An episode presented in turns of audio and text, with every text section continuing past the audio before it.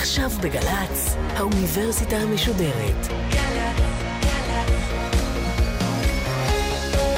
מה שקורה עכשיו.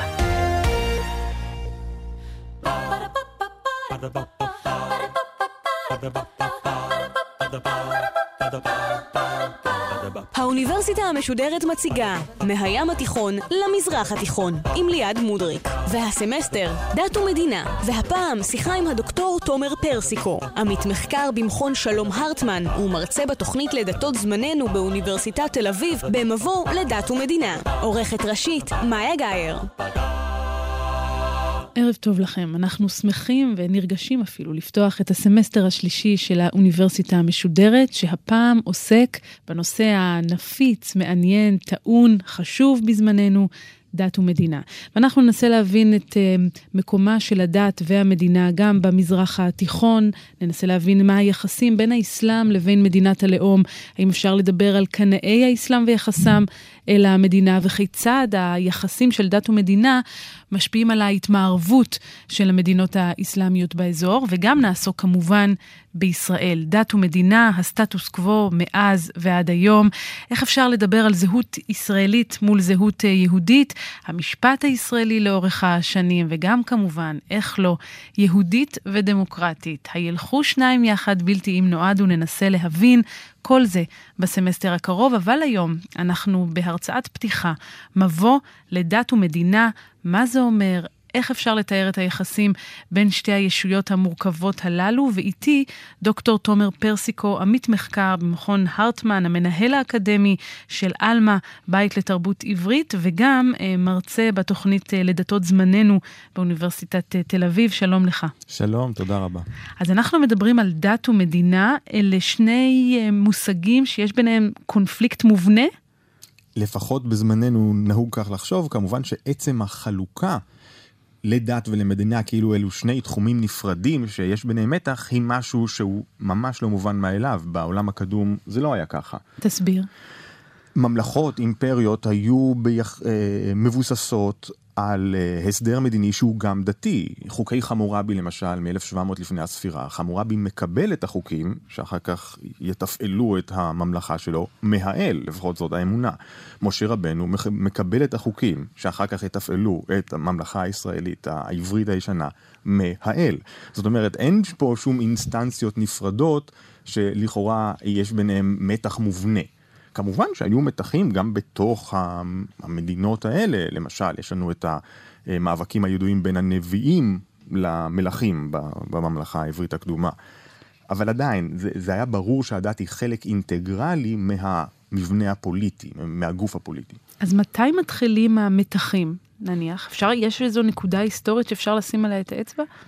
אולי נקודת העיבור לזה היא בעצם הנצרות, בעצם דת חדשה בעולם העתיק, דת שהתחילה באפס או במאה הראשונה לספירה בכל מקרה, ובה יש תפיסה שהדת היא בעצם משהו נפרד. ישו אומר בבשורה על פי מרקוס, תנו לקיסר את אשר לקיסר ולאלוהים את אשר לאלוהים. יש את הפוליטי ויש את הדתי. זה שני תחומים שהם בעצם נפרדים. וכאשר האימפריה הרומית מתנצרת במאה הרביעית לספירה, יש לנו בפעם הראשונה דת שאיננה קשורה למבנה הפוליטי, והרי לפני זה אל תשכחי שהקיסרים ברומא היו אלים, כן. בוודאי שהיה להם מעמד דתי. פה פתאום הקיסר הוא אה, המנהיג הפוליטי והאפיפיור הוא המנהיג הדתי.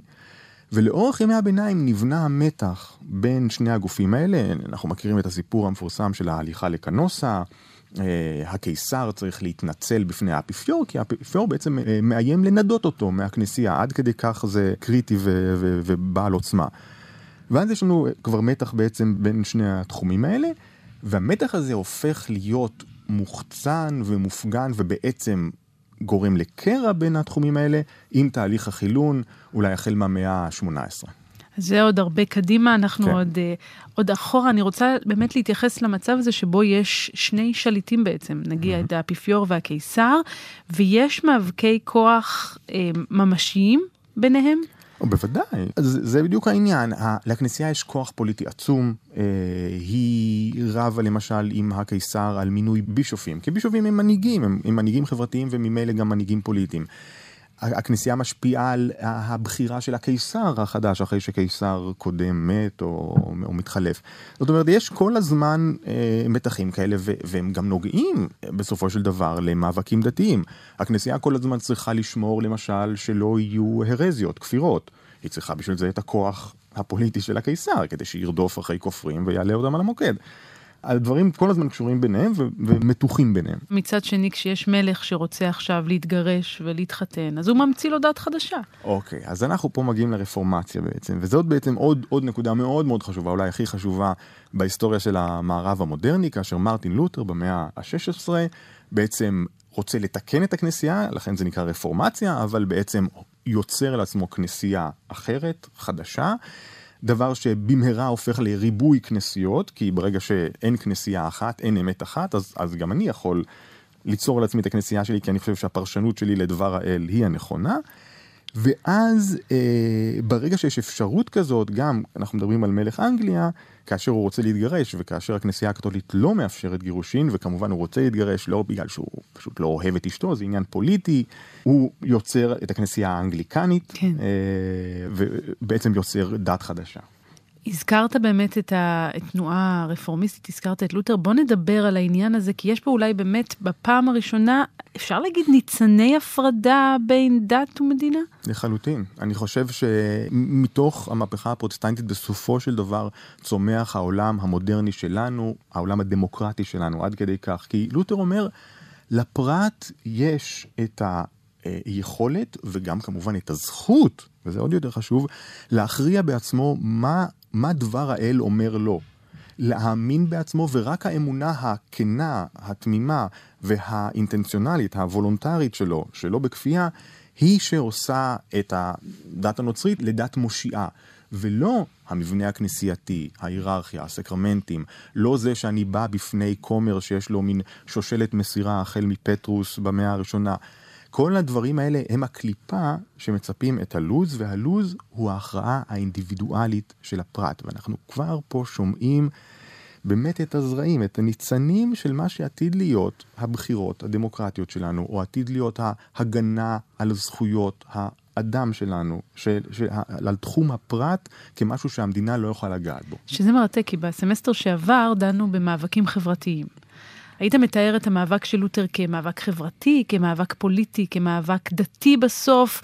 אני חושב שזה מאבק דתי. לותר היה אדם מאמין בצורה עמוקה, הוא היה, אה, התייחס לדת שלו כנראה הרבה יותר ברצינות מאשר רוב הקתולים באותה תקופה. ודווקא בגלל זה הוא רצה לעשות רפורמציה, רצה לתקן. אבל מתוך המאבק הדתי הזה, אנחנו בעצם נולדים הניצנים שיובילו אל החילון. כי ברגע שאתה מאפשר יותר מנצרות אחת, בעצם יותר מאמת אחת, אתה כבר זורע את זרעי הספק, זורע את זרעי הפלורליזם. ברגע שאתה שם את המוקד בבחירה הישירה, האישית, האינטימית אפילו של הפרט, אתה כבר יוצר את הפתח בעצם למה שהיום אנחנו קוראים לו New Age. לותר רחוק מזה, רחוק, שלא יהיה ספק, לותר הוא לא, הוא לא אדם מודרני ולא אדם ניו-אייג'יסטי, אבל, כן. אבל הוא, הוא, הוא, הוא זורע את הזרע. והזכרת את המילה זכות, זה כבר תיאור מתקדם של ההגות של יועז, או שהוא כבר מדבר בשיח של זכויות אדם? לא, הוא לא מדבר על זכויות, כמובן, אבל זה בהחלט, זה נובע. כי לותר למשל מדבר על חירות, החירות של האדם הנוצרי, החירות של האדם הנוצרי להכריע בעצמו. עכשיו, החירות הזאת, איפה היא מתבצעת? היא מתבצעת בעולם הפנימי הסובייקטיבי של הפרט, כן? ולכן יש להגן על העולם הזה. ולכן גם, למשל, תפיסה שאפשר לכפות דעת על אחרים, פתאום הופכת לאבסורדית. פתאום, אם אני, למשל, שליט קתולי, והאוכלוסייה שלי היא פרוטסטנטית, ואני רוצה פשוט לכפות עליהם את הדת הקתולית שלי, זה עוד מחזיק מעמד איזה מאה שנים, אבל אחרי זה זה הופך להיות מגוחך, כי אני בעצמי, גם אם יש לי את הכוח הצבאי, הפוליטי לעשות את זה, זה אבסורד בעיניי להכריח אנשים להיות, לקיים את המצוות של דת כזאת או אחרת, כי זה פשוט לא, לא מעשה דתי אם הוא לא בא בצורה וולונטרית. מתוך אמונה, מתוך נכון. רצון חופשי נגיד, אם אפשר לדבר במונחים כאלה. כשאם אנחנו חוזרים לימי קדם, נגיד הסיפורים שלנו, מאבק המכבים, זה בדיוק סיפור כזה, של להכריח אנשים להמיר את דתם, נכון. להפוך, להתאים את עצמם לדת השליט. היוונים עשו את זה למכבים, אחר כך המכבים עשו את זה לאדומים, בלי שום בעיה, בלי שום... כשאנחנו שומעים... עולם כמנהגו נוהג, אתה נכון, אומר. אנחנו שומעים את uh, סיפור חנה וישיבת בניה כן. הידוע, כן?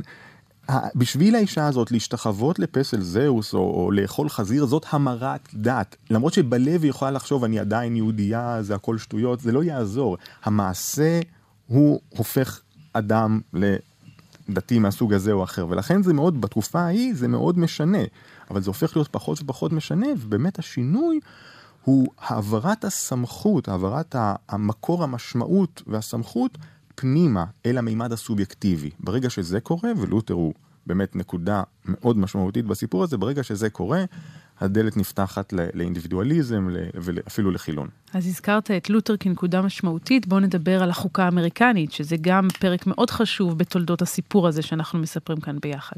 בוודאי, 1776 היא שנה גורלית ו- ו- וגדולה.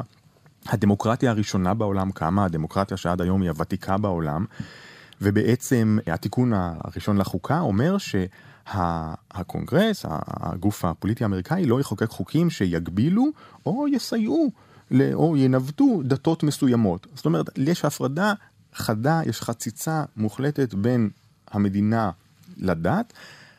זאת מתוך כוונה, מבחינת האבות המייסדים, להגן על הדת. מתוך כוונה לתת לאנשים שוב את החופש, את החירות הנוצרית, כמו שלותר היה קורא לזה, להכריע בעצמם מהי אמונתם, מהי דרכם אל האל. יש פה גם באמת כבר ליברליזם בעצם. זה אומר, הליברליזם שמבחינתנו אפשר להגדיר אותו בקצרה כהפרדה בין התחום הפוליטי אישי. לתחום הפרטי. כן. כן? המדינה לא נוגעת בהכרעות הפרטיות שלך באשר לדרך שלך בחיים, לאמונה שלך, לתפיסה שלך של מה הם חיים ראויים, מה ראוי לעשות עם החיים. את זה המדינה לא מחליטה בשבילך. שזה מעניין אבל, כי בארצות הברית למשל, נכון שזו התיאוריה, אבל הפרקטיקה...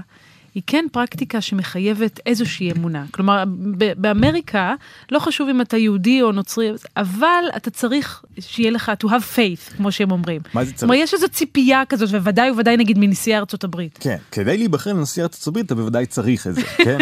אבל אתה יכול... כלומר, ב... היא, היא מדינה כן דתית, כן. אומה דתית, נגיד, לא מדינה דתית, היא אומה נכון. דתית יחסית. אוהבים לקחת את ארצות הברית כאיזושהי אנומליה בעולם המערבי של מדינה שהיא דמוקרטית לחלוטין, חופשית, ועדיין לכאורה מאוד דתית, באמת יש שם אחוזים ניכרים של אנשים שמצהירים שהם מאמינים, שגם הולכים לכנסייה וכולי. אני רוצה קצת לערער את התמונה בבקשה. לכאורה מובנת מאליה. שבירת מיתוסים היא האהובה עלינו ביותר פה. ב... הייתי דווקא אומר הברית איננה אנומליה, ודווקא אירופה החילונית מאוד, שהרבה פחות אנשים מצהירים על אמונה ועוד פחות הולכים, על, אה, הולכים לכנסייה, היא דווקא האנומליה, אם אנחנו מסתכלים פשוט על, על מה שקורה בשטח בעולם. ברוב העולם אנשים מאמינים, אנשים אה, עוסקים בפרקטיקה דתית, ואירופה איכשהו, תהליך החילון היה אצלה כזה שבסופו לא רק שהדת הפכה לפרטית, אלא בעצם כמעט איבדה את מעמדה במרחב הציבורי. אז אם אתה מדבר באמת על המודל האירופי, בוא נדבר על המהפכה הצרפתית. כי בעצם שם יש הפרדת דת ומדינה שהיא שונה בתכלית מההפרדה האמריקנית. נכון מאוד. בעוד שבארצות הברית הפרידו דת ומדינה כדי להגן על הדת ולאפשר לכל אחד לבחור את דרכו, בצרפת יש סנטימנט אנטי-דתי מופגן, הדת שם הייתה תמיד קשורה בעבותות לשלטון, לפוליטיקה, הכנסייה הקתולית הצרפתית הייתה קשורה למלך הצרפתי הקתולי, וכאשר מתמרדים כנגד המלך, כנגד כל צורת המשטר המלוכני, מתמרדים גם נגד הכנסייה, ויש אפילו סוג של חילון כפוי בצרפת שאחרי המהפכה, כאשר כנסיות הופכות למחסנים ו- וכמרים נרדפים ואף נרצחים, יש ממש תגובה קשה מאוד נגד הכנסייה, אחר כך זה עובר עוד כמה גלגולים. אבל צרפת איפשהו שמרה את האופי הזה, האופי החילוני להתריס, החילוני אפילו שלא לא מפחד לכפות את עצמו בצורה שהיא, אם אמרנו קודם שארצות הברית היא ליברלית, בצורה שהיא לא כל כך ליברלית, כן? כי אם אני כופה כן. את הדרך אה, לחיות, אני, זה, זה משהו אחר. אה, ושמרה את זה עד היום בעצם. ואולי אחד הוויכוחים שהפכו לסמל בעניין הזה בצרפת הוא הוויכוח סביב הבורקה, בוא נזכר. Well, now, if you're planning to visit uh, France and want to wear a veil across your face, don't. The penalty for doing so under the law which came into force today is 150 euros. and lessons in French citizenship. The number of French Muslim women who actually wear the niqab or burqa is pretty small, and no other European country has anything similar or any similar law. But France is especially fixated on the relationship between religion and the state. בדיוק, זה איזשהו שריד מה, מאותו רגש אנטי-דתי צרפתי שכאמור מפעם עד היום. ואתה מדבר על חילון כפוי, אז גם אטאטורק נגיד ייפול תחת אותה... לחלוטין, כן. אטאטורק אה, מגיע לטורקיה, מנסה להעמיד על הרגליים מחדש את האימפריה העות'מאנית שקרסה זה מכבר. והוא מחליט שצריך לעשות רפורמה אה, מהותית, ובעצם דוחק את רגלי האסלאם בטורקיה בצורה מאוד אה, החלטית וגם אה, כוחנית, כן? דבר שכמובן היום כבר אה, משתנה, אבל בהחלט. ועוד דוגמה מאוד אה, ידועה ופשוטה לחילון כפוי, זה כמובן המהפכה הבולשביקית. בשביל ה, ה, כן, המפלגה הקומוניסטית הרוסית היה ברור שהעולם מתוקן הוא עולם שלא כולל דת. הדת היא אשליה שדינה, או אפילו יותר גרוע מאשליה, היא כלי בידי ה... בעלי ההון לדכא את הפרולטריון ועתידה להיעלם ואולי אפשר גם לעזור לה להיעלם ולכן כמובן בברית המועצות היה חילון כפוי, היה אסור אה, להפגין אה, דתיות. והעזרה הזו להיעלם הייתה לפעמים גם אלימה מאוד, בוא נשמע למשל עדות של אחד האנשים שמספר על כך. Many priests were arrested, many were sent to Siberian concentration camps, many shot. My father was one of them. He never came back. Thirty bishops were murdered. Thousands of priests were perished. Hundred thousands of faithful were liquidated. אז אנחנו שומעים את הדברים, דברים קשים מאוד, וזו באמת אולי אחת הדוגמאות שבה המדינה לוקחת את כוחה, mm-hmm. משתמשת בו בצורה הכי עריצה אולי, כדי נכון. למגר את הדת ולומר, חברים, אתם תחת משטרנו תהיו חילונים. נכון, חילון כפוי, אנטי-ליברלי במובהק, ואני מכיר סיפורים אישית של, של אנשים שלמדו יהדות בסתר, ש, שלמדו את התורה בלי שהשלטון ידע. ואולי הקצה השני, אה, תמונת המראה של המודל הזה של חילון כפוי, זאת תהיה התיאוקרטיה. נכון, אז אה, אם, יש, אם בצד האנטי-ליברלי החילוני יש לנו את הבולשביזם, בצד האנטי-ליברלי הדתי יש את התיאוקרטיה שאנחנו היום מכירים אותה בערך מאיראן, ואני אפילו חושב אה, עוד יותר בצורה חמורה מסעודיה. מדינה שהחוק הדתי הוא בסופו של דבר הקריטריון האחרון לקבוע מה טוב ומה רע, מדינה שבה לאזרחים אין אפשרות לא להיות דתיים, או לפחות כלפי חוץ, לא להפגין דתיות כשאתה הולך ברחוב, ובעיקר אם את הולכת ברחוב, את צריכה כן. אה, ללבוש לבוש דתי וכולי. כי אחרת את עלולה לספוג עונשים כבדים לא. מאוד. והשאלה אבל המעניינת כאן זה האם פה המדינה היא באיזשהו מקום עומדת לשירותה של הדת, או הדת עומדת לשירותה של המדינה? כלומר, האם זה שלטון שמנסה להנציח את כוחו ואת שלטונו דרך האמצעים הדתיים, או שיש לנו מדינה שכפופה לרצונם של אנשי הדת? או שאי אפשר להבחין, גם כן, וגם, כמו אוקיי. תמיד. היחסים האלה סבוכים, ואני בטוח שיש משטרים שמשתמשים בדת אה, על מנת אה, לחזק את עצמם. המהפכה האיראנית למשל הייתה לכאורה בתחילה בעצם באמת מהפכה דתית שביקשה להביא אה, איזשהו עידן חדש מוסלמי וכמובן חיובי מאוד על פי ההבטחות. אני, אני רוצה להאמין שיש גם מאוויים כנים לאיזושהי כן, אידיליה דתית ש... כמובן אף פעם אינה מתגשמת, לפחות עד היום, לכי תדעי, כן? ולא רק אה, תאוות שלטון.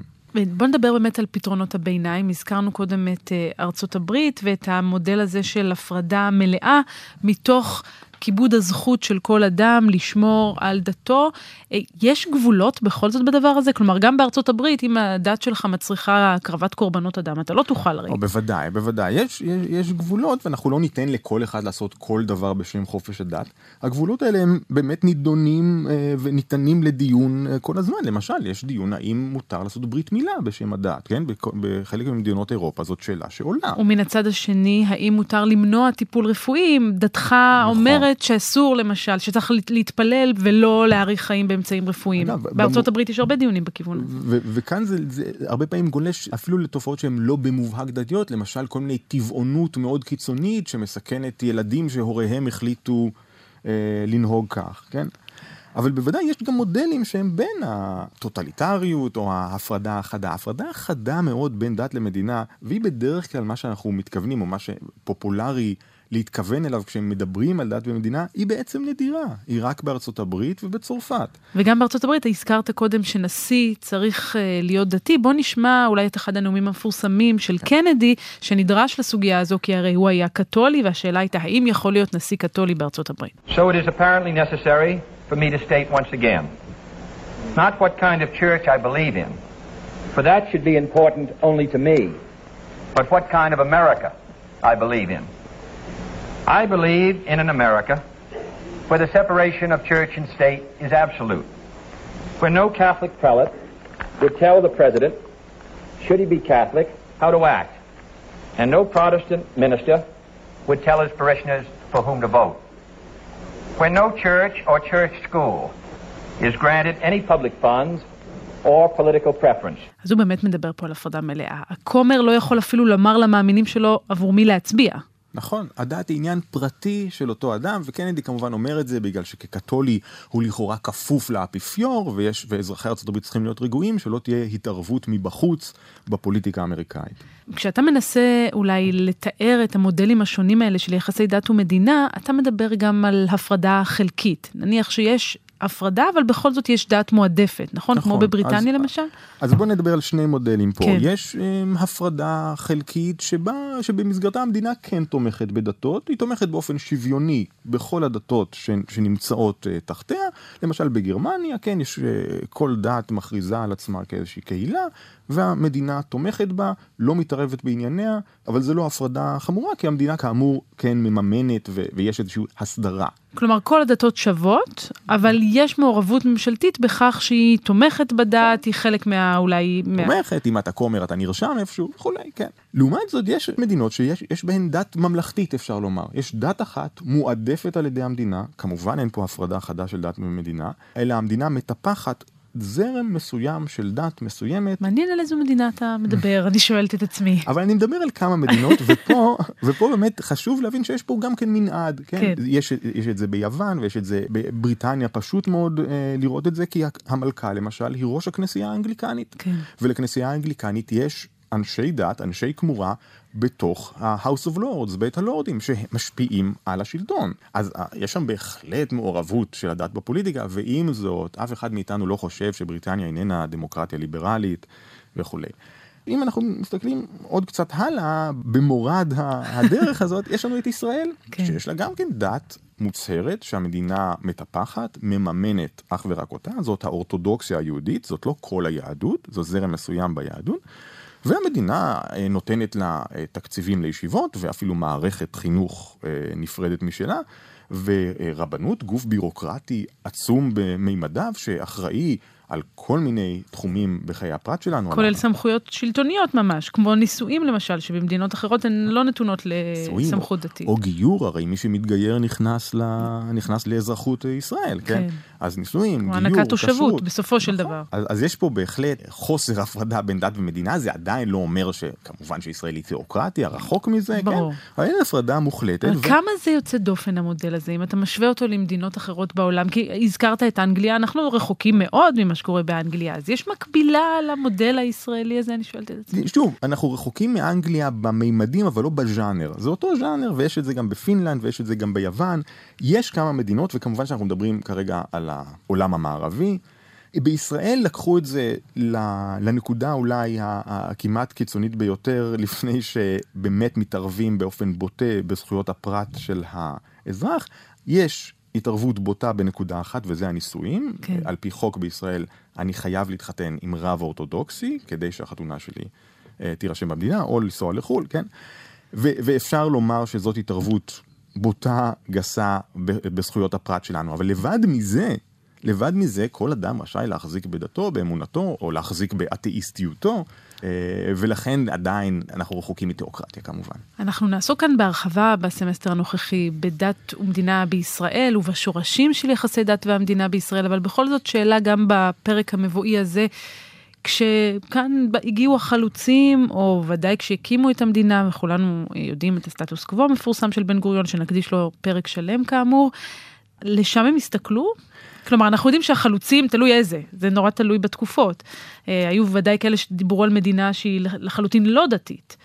אז זה באמת מעניין, כי זה נותן לנו הזדמנות למשל לחזור לאותה חלוקה בסיסית בין דת למדינה. בעצם איפשהו במאה ה-18-19, היהדות הפכה מצד אחד לדת בלבד, למשל אצל התנועה הרפורמית, או כן. אצל הנאו-אורתודוקסים בגרמניה, הם היו גרמנים בני דת משה.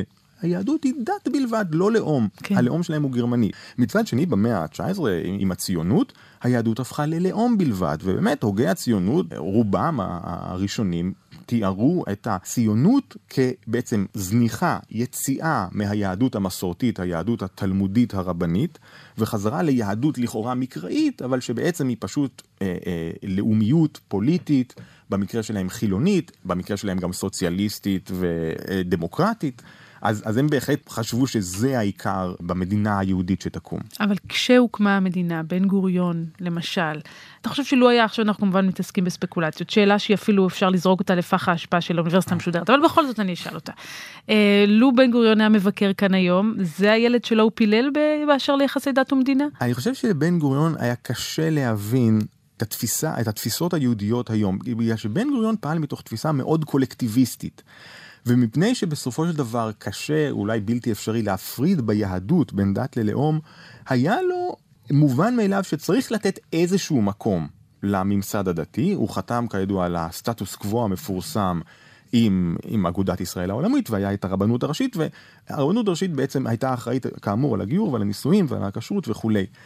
אני חושב שבן גוריון, לבן גוריון ולרוב החילונים באותה תקופה לא הייתה בעיה עם זה, כי התפיסה הייתה, אנחנו בונים את המדינה ואנחנו דור העתיד, אתם נותנים לנו את שירותי הדת כמו מין כמורה כזאת, שנותנת לנו את, ה, את הרב לחתונה ואת uh, חבר'ה קדישא לקבורה וכולי, ובמילא הם, הם תמיד יישארו בצד זנוחים ושוליים. כמובן, כך לא... ההיסטוריה רצתה אחרת. בדיוק. ואם אנחנו כבר מדברים על היסטוריה, אפשר לדבר על איזשהו מהלך היסטורי של אה, כיווניות כזאת בין המודלים השונים, נניח החילון הכפוי שייך יותר לתחילת המאה ה-20, ברוב המקומות אנחנו הולכים יותר לכיוון של הפרדה מלאה בעצם רק ארה"ב, אבל אפשר לדבר על איזשהו טרנד או ש... אני, אני יד... רוצה לדבר יותר על טרנד במובן של האוכלוסייה ופחות במובן הפוליטי, כי קשה לדעת איזה קונסטולציות פוליטיות יהיו. אבל במובן של האזרחים אנחנו רואים בהחלט טרנד של מה שנקרא עלייתם של אה, הבלתי מזוהים, או באנגלית זה נקרא ה-nones, אה, אלה שמסמנים בטופס של הסטטיסטיקה none בשאלה לאיזה זרם הם משתייכים. כן. זאת אומרת, אלה אנשים, והם כבר 22-23 אחוז בארצות הברית, 25 אחוז בבריטניה, בעצם אולי אם נחשיב אותם לזרם אחד, הם בארצות הברית הזרם הגדול ביותר אחרי האוונגליסטים, הזרם הדתי, אבל הם כמובן לא שייכים לשום זרם ספציפי, אלא אנשים שהם בהחלט לא אתאיסטים, חלקם הקטן אתאיסטי, רובם מאמינים במשהו, אבל בעצם תופרים לעצמם על פי מידה את החליפה הדתית שלהם. הם קצת לוקחים קצת יוגה ולוקחים קצת מדיטציה וקצת גם כנסייה אם הם רוצים, ואולי גם לומדים קבלה. עוד שאלת הבהרה לפני שתמשיך את, ה, את המהלך הזה שהוא מעניין. אתאיסטים וחילונים, אה, אתה... לא אותו דבר בכלל. לכן כן. רציתי שתבהיר. חשוב להגיד, חשוב להגיד. אתאיסטים כמובן אנשים שלא מאמינים באלוהים, והרבה פעמים החוסר האמונה שלהם הוא מיליטנטי ומופגן, ונאבקים אולי על חוסר האמונה הזה. חילונים זה פשוט אנשים עם, בהגדרה מאוד מאוד קצרה, שהסמכות הדתית נמצאת אצלם ואצלם בלבד. הם לא קשורים לשום ממסד דתי, הם מעצבים את העולם הדתי שלהם בעצמם, ויכול להיות שהם מאמינים בסך הכל במשהו אמורפי מאוד כמו כוח קוסמי כלשהו, ויכול להיות שיש להם דרך רוחנית מאוד דורשנית ומחייבת משל עצמם, אבל הם הסמכות שמעצבת את הדרך הזאת. אז חילוני הוא בעיניך אדם עם אמונה לא מוגדרת, הוא ענן הזה? לא, חילוני הוא אוטונומי. חילוני, בכלל, תהליך החילון צריך פחות לתפוס אותו כהפחתת אמונה והפחתה בפרקטיקה דתית של כלל האוכלוסייה, והרבה יותר לתפוס אותו כהוצאה של כוח ומשאבים מהממסד הדתי והעברתם לממסדים אחרים, הפוליטי, המדעי, המצפוני, כל מיני ממסדים כאלה. וגם הפילוסופי, שזה יהיה חלק מהדיון שלנו נכון. בשבוע הבא, אנחנו ניפגש שוב להמשך הרצאת המבוא הזה על דת ומדינה, יחסים בין שתי הישויות האלה, גם ברמה ההיסטורית, מה שעשינו היום, וגם ברמה הפילוסופית בשבוע הבא. אני רוצה מאוד מאוד להודות לך. תודה. על המפגש הזה, ולהודות גם לנועם הירש על הביצוע הטכני. אנחנו כאמור ניפגש כאן גם בשבוע הבא. עד אז, שבוע מצוין שיהיה. Ba-da-ba-ba-ba Ba ba ba ba ba ba ba ba ba ba ba ba-da-ba. האוניברסיטה המשודרת, מהים התיכון למזרח התיכון. ליעד מודריק שוחחה עם הדוקטור תומר פרסיקו, עמית מחקר במכון שלום הרטמן, ומרצה בתוכנית לדתות זמננו באוניברסיטת תל אביב, במבוא לדת ומדינה. עורכת ומפיקה, נוגה קליין. מפיקה ראשית, אביגיל קוש. מנהלת תוכן, מאיה להט קרמן. עורך דיגיטלי, נדב הלפרין. האוניברסיטה המשודרת, בכל זמן שתרצו, באתר וביישומון של גל"צ, וגם בדף הפייסבוק של האוניברסיטה המשודרת. ba, ba, ba,